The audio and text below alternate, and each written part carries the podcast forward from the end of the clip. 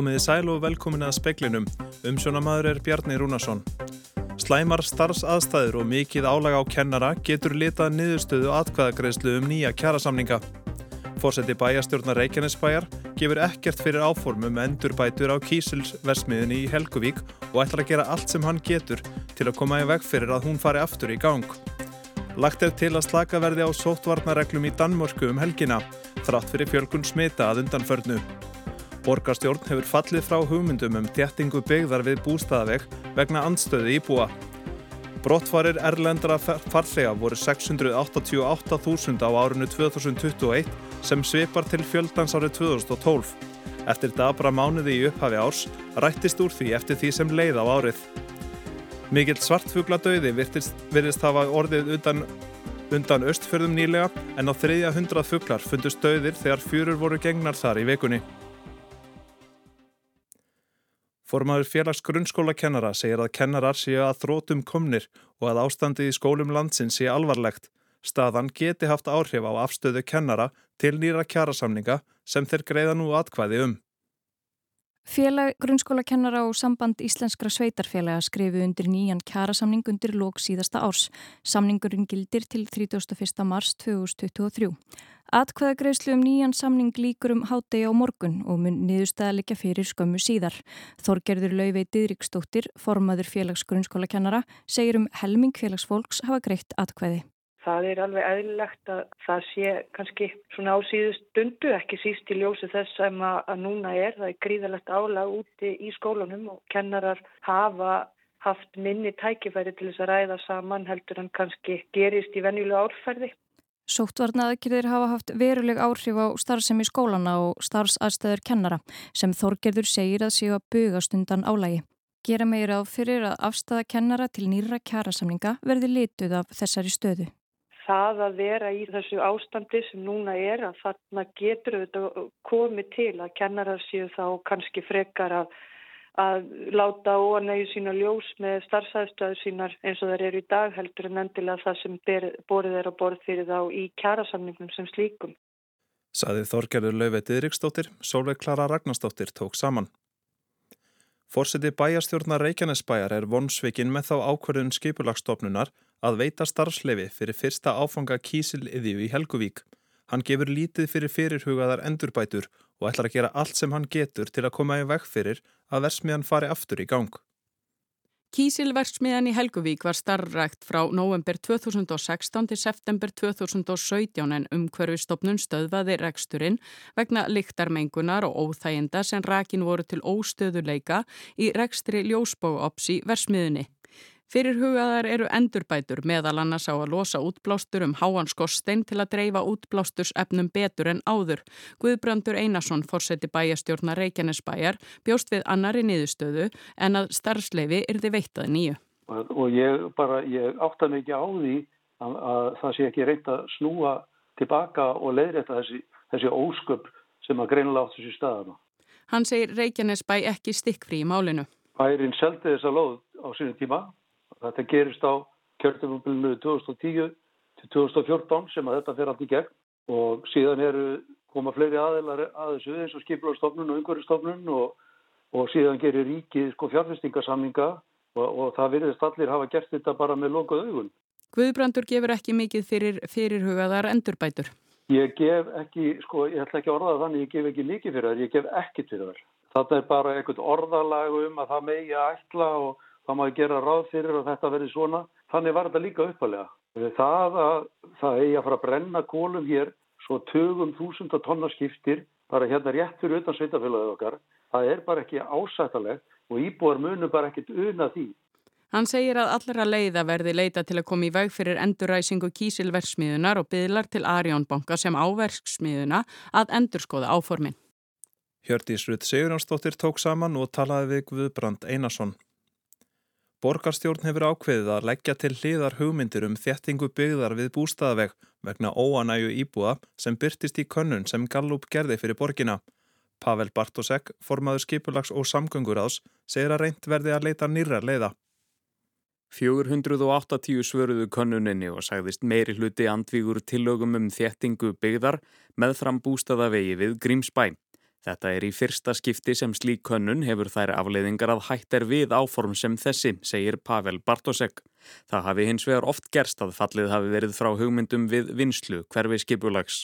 Við vinnum bara hverfi skipulag almennt þannig að, að það er fleitt ímsum eh, hugmyndum og síðan er leita eftir, eftir viðbrönd til þeirra Uh, ég veit að fer ekki, fer ekki lögn með það mér þótt þess að hugmyndi vera spennandi og hérna og ímislegt sem það hefur þetta geta mögulega gert fyrir hverfið en við fengum nokkuð skýra niðurstöð út úr konum sem við gerðum að kannski tveir af hvem þremur íbúum hverfið sem voru því ósámála og voru á móti eh, þessari þéttingum með frambústaðvegi og þess að þetta er rétt að hlusta á það rættir og, og falla frá þessum hugmyndum. Stutt er í borgarstjórnarkostningar en Pavel segir það ekki hafa skipt máli við ákvarðanatökuna sjálfsög þá náttúrulega viljum við hlusta á íbúa allum stundum en þó getur verið örð með það að þetta sé ekki einhver ákvörðun sem er tekinn tímabundið og verið síðan dustað ríkið af. Við einfallega hérna, hlustum á þessa, þessa rættir íbúa og tökum marka á þeim. Saði Pavel Bartosek, Þorgnýr Einar Albertsson talaði við hann. Lagt er til að slaka verði á sótvarnareglum í Danmörku frá, frá næsta sunnudegi. Leikús og kvikmyndahús verða þá að líkindum opnuð á ný. Fólk fær einnig að fara í dýragarðar landsins. Næturklúpar verða lokaðir ennum sinn. Ráðgjafar nefndi danska þingsins um viðbróðu við faraldrinum hefur skilað af sér tillögum um slakanir á sóttvörnum. Tilgangurinn er engum að sá að sögninni fjölmiðla að ebla menningar í lífið. Ásamt því að Danir geti farið í leikhús, bíó og í dýragarðan á ný leggur nefndin til að söpn og síningarsalir verði opnuð. Einnig að líðháskólar landsins tæki til starfa. Á samkomur innan dýra mega þó ekki fleiri mæta en 350 eins og verið hefur. Littlar breytingar verða þó að reglum um næturlífið í Danmörku að sinni.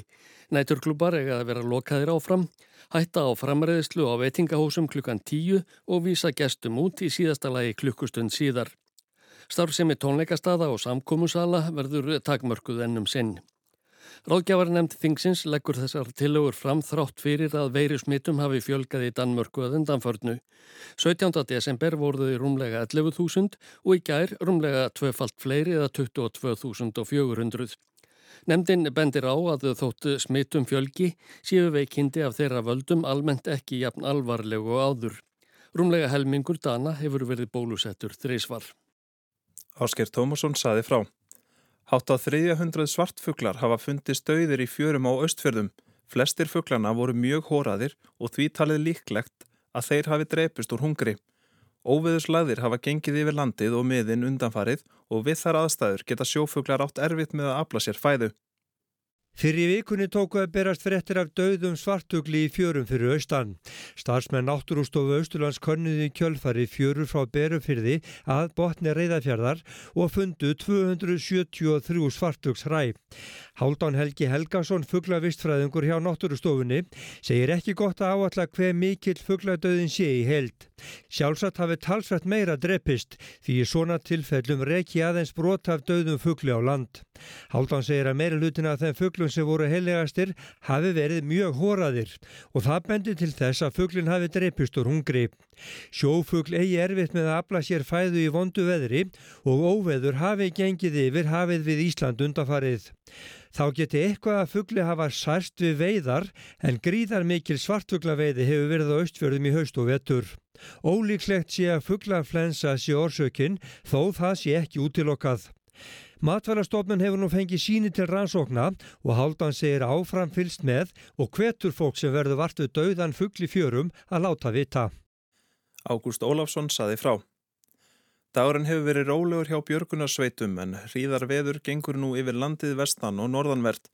Veður fer að ganga niður þegar líður á kvöldið. Erfið færð og lítið skegni hefur verið á fjallvegum og ekkert ferðaveður. Fjallvegum var víða lokað og þær hafa verið virtað að mestu. Eina útkall dagsins hjá Björgunarsveitunum barst nú rétt fyrir klukkan 6 vegna bíl sem var fastur vestan til á Öksnadalsheiði. Vegurinn yfir heiðina er lokaður og verður ekki opnaður fyrir ný fyrramálið.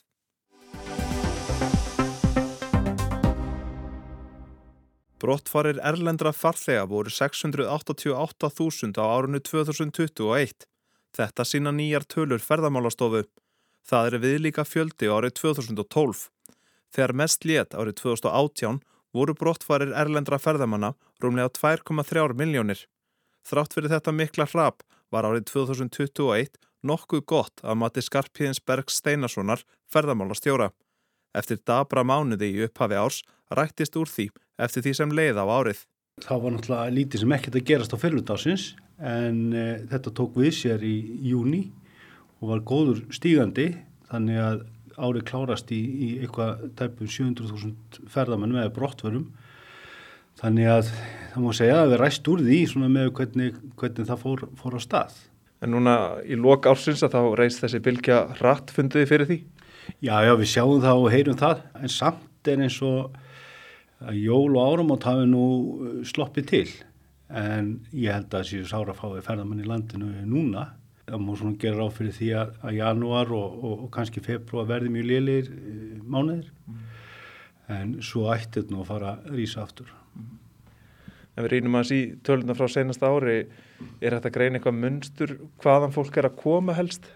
Nei, svona í, í, í grófum dráttum er þetta svona svipað eins og við vorum að sjá fyrir COVID eh, að því þó undanskild að breytar eh, eru svona með heldur öðrum hætti heldur en áður það skýrist að því að öndvöld við allar aðra þjóðir þá koma breyta hinga frekar að vetralagi, höst og, og vor og vetur. Og uh, þar sem að voru sárafáir ferðamenn og fyrirlut ásins uh, fyrstu fimm mánuði, fimm-seks mánuði ásins að þá, þá uh, skýrir það hvers vegna er svona mikill samdráttur í, í hérna komum breyta og hvers vegna breytar eru fjölmennastir í desember. En á öðru leiti að þá er svona hvernig þetta liggur allt saman yfir, yfir árið að það er svona með frekar hefðbundum hætti hlutvarslega, bandarækjumenn, svipaðir þjóðverar, fjölmennir þannig að já, þetta er svona svipað mm. En er þið með eitthvað upplýsingar um uh, brottfærir Íslandinga? Er þeir meira á faraldsvæti núna þar að segja í fyrra heldur en árið þar á hann? Já, þeir eru heldur fleiri eh, en það máttu svo sem gera, gera ráð fyrir því og stæsti hluti af brottverðum Íslendinga er á setnilut ásins alveg eins og, og hérna komur erlendarferðamennar er á setnilut ásins uh, og það má svo sem gerir á fyrir því að svo þróun haldi áfram að þeir haldi áfram að ferðast erlendis. Uh, það hefur líka áhrif á innlendu ferðarþjónustuna því að Íslendinga voru nokkuð fyrirferðað miklir í ferðalögum um landið uh, í suma sérstaklega og, og svo sem á öðrum ástífum líka umfram það sem þeirra hafa verið þannig að, að hérna ef að Íslendingar eru að auka ferðalög sín til útlanda og við höfum ekki að fá samsvarandi þá ferðamenn til landsins erlendis frá að þá mun það hafa eh, samdráttar áhrif en ég hef ekki múin á því að það verði þannig svo þróan. Nú liggja eflust margir sem starfaði ferðarþjónustinni undir feldi og reyna svona skipulegja árið framöndan. Hvaða vendingar hafið til ásins 2022? Að þessum ómikrón mánuði undarskildum þá hefur verið stígandi í fjöldaferðamanna alveg frá því að, að landið var opnað í júni. Þannig að við erum að sjá alltaf starra og starra hlutfall erlendra ferðamanna með að við það sem var í samsvonandi mánuði fyrir COVID og uh, við gerum ráð fyrir því að, að uh, þetta á meðan ómikrón gengur yfir að það verður svona einhver eitthvað hyggst á þessari þróun en hún muni halda áfram þegar þessu er, er lokið í, í vor, vonandi mass og ef ekki mass þá, þá svona í byrjun sumas og ég held að þetta sé svona almennt það sem að menn gera ráð fyrir í, í ferðarþjónustu og eru að undirbúa sér fyrir. Greiningardelir bankana og fleiri gera ráð fyrir að ferðamenn verði á bylunu 1,3 til 1,5 miljónir á þessu ári sem er svipað á árum 2015 og 2016 og með þeim fjölda þá verður þetta alveg þokkalegt ár. Ef að litið er á ferðalög eh, á orðinu 2021, dvalatími hefur það lengjast og ef að við eh, bætum því á hana, ef að það myndun að haldast, að þá væri, væri mun minni munur á því sem við varum að sjá 2021 og var fyrir COVID. Er það ekki svolítið það sem hefur verið svona markmið ferðarþjónustunar að lengja dvöl fólks þegar það kemur og eins yfir árið? Hvernig hefur það gengið? Sko, okkur hefur gengið mjög vel að dreifa yfir árið. Það er minni ástíðasveifla, eða var það fyrir COVID, minni ástíðasveifla hér í ferðarþjónastu heldur í flestum öðrum löndum. Okkur hefur gengið mjög vel að laða hinga ferðarmenn á veituna og það er mun, minni munur á sumri og, og þeim ástíðum það sem að minnstur um að vera hér heldur við skor annar stað. Þannig að okkur hefur gengið vel í því. Á þessu ári var dvalalengdin umtalsvægt lengri sem þýðir það að ferðarmenn skilja meira eftir sig og það er raunin að, að kreditkortavelta á, á ferðamenn hefur, hefur aukist. Það skýrist fyrst og fremst af, af lengri dvalatíma. Bandaríkjumenn til dæmis uh, voru að, að, að dvelja hér uh, ríflega tveimur dögum lengur að jafnaði og, og það er, er umtalsverð búbót fólkin í því. En er viðbúið að ferðarþjónustu fyrirtæki rennir saman í stærri einingar sökum rekstrar vanda vegna faraldursins? Þetta hefur ekki gerst ennþá. Það er svo sem búið að vera býð eftir því í nokkur ár að það verði með samrunni í, í ferðarþjónustu.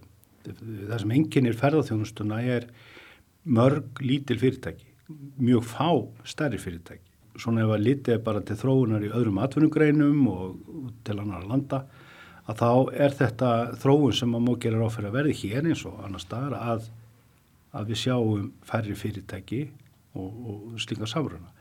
Þetta er ekki orðið um, en, en það má gera fyrir því að það muni breytast. Hvort að það komi út úr þessu, hérna, út, úr, út úr COVID, það erum að sjá til með það. En, en afkoma ferðarþjónustunar e, í COVID hefur náttúrulega verið hörmung E, ferðarþjónustan hefur hins vegar sínt mikla aðlugun þegar að COVID byrjar að þá, að þá prinja tekjur ferðarþjónustu fyrirtækjana og það er alveg magnaði sjálf sér hvernig ferðarþjónustunni tekst að bregðast við því með því að draga úr kostnaði þannig að komu stuðnisækri stjórnvaldar náttúrulega að, að verulega stertinn og með, með þessar aðlugun að þá, þá hérna, hefur reksturinn svo sem ekki verið að tapa svo miklu til dæmis á, á orðin 2021 sambóru við 2020 og sambóru við það sem við hefum getið ætlað. Það hefa hins vegar sannast fyrir skuldir og það er vandamál ferðarþjónustuna núna að, að, að vinna á þeim skuldastapa. En hvernig horfa mann til aðgerða ríkisins? Er nöðsynlegt að hafa að það, þeirra njóti við áfram eða sjáum við fyrir sér að þær loknist út af og hvernig hefur aðsóknin verið í þær undarfarið? Sko, ferðarþjónustan hefur nýtt sér betur heldur en aðrar atvinnugreinar e, stuðnisækjari stjórnvalda e, og kannski vegna þess að, að e, áföllin hafa líka verið meiri í ferðarþjónustunni. Hvort og þá hvernig verður framald á því, það er verið að, að hérna, skoða það í stjórnkerfinu. Svo skýsla sem við skilum á okkur í síðustu viku varandi fjárhag ferðarþjónustunar, þá er, þá er kannski svona stæstu vandamálinn liggja í skuldunum og mér, er náttúrulega efs að ríki fara að greiða skuldir fyrirtækjana það sé svona eðlilegt að, að ef að það séu stundisækir að þá sé það með svona svipum hætti eins og gert var að það sé vera stiðja við við það að halda ráningarsambandi í gangi eða, eða hérna halda fyrirtækjunum á floti að hafi möguleikaði að greiða svona lámast kostna og annars líkt en fjármála fyrirtæki og eigundu verða þá frekar að koma að, að vinna úr skuldastöðun og fjárhástöðun Þannig að það geti komið setna í rauninni það uppgjör svo á milli ferðarþjónustu fyrirtækina og skulda eigenda og þá geti jafnvel orðið ykkur reyna gældróta í greinni. Því miður mun ábyggilega koma til þess að einhver fyrirtæki hætti starfsemi en e, það er þó engin ástæð til þess að bá einhvern fjöldaggjaldrótum og, og, og þessi vinna okkar í e, greining og fjárhástöðunni gefur ekki til til þess að ætla að verða einhver fjöldaggjaldróta en það þarf að taka á skuldum margra fyrirtækja. Reksturinn lífanlegur en skuldastæðin er, er umfram það sem að gera ráð fyrir því að fyrirtækin getur staðið undir og það er ekkit, sko við þar kringustæði sem að þau eru búin að vera að búa við í COVID og þá er það ekkit óeðlegt. Þau hafa fengið lánað fyrir skattgariðslum, þau hafa þurft að fjármagna tímaböndin taprekstur, þau hafa þurft að, eh, að fresta áborgunum fresta vakstagreslum þannig að það er ímislegt svoleiðis og er, þannig að það er ekkit, ekkit óeðlilegt þó að skuldir hafi aukist en það þarf að vinna á þeim, það þarf einhvern veginn að borga þær tilbaka. Þórólfur Guðnason, sóttvarnalagnir, sagði á upplýsingafundi almannavarna í morgun að hann íhugi að leggja til hertar aðgerðir fyrir helgi.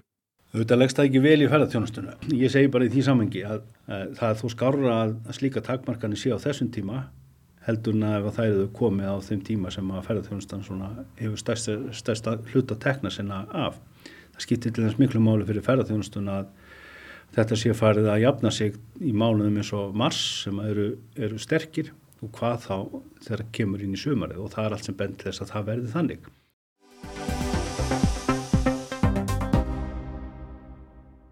Met fjöldi COVID-tilfella greinist nú í Svíþjóð þrátt fyrir vonir manna í haust og vetur um að það versta væri loks afstæðið. Samstaða sem ríkt hefur um sóttvarnað aðgerðir yfirvalda virist vera fyrir bí. Kári Gilvarsson í Gautaborg tekur nú við. Byðröðin eftir að komast í COVID-próf við heilsugæslustöðina í hverfinu Majorna hér í Gautaborg var nokkuð laung á föstudaginn var. Um 500 metrar eða halvur kílometri. Den här veckan har ju trycket varit oerhört hårt på att få testa sig eller få hämta tester som man gör hos oss över alla rekord. Så nu är faktiskt proverna slut. Það hafa gríðarmarkir viljað komast í prófi vikunni, fleiri en nokkru sinni, sagði Ósa Gustafsson, stjórnandi heilsugjæslu stöðvarinnar í samtali við sænska ríkjusútvarpið. Færri komust aðein vildu því prófin kláruðust. Við þetta bætist að fólk hefur þurft að býða lengi eftir niðurstöðu í alltaf þrjá sólarhinga sem er bagalegt því fólk þarf að halda sig heima á meðan beðið er og samagildur um börn sem mögulega eru smituð.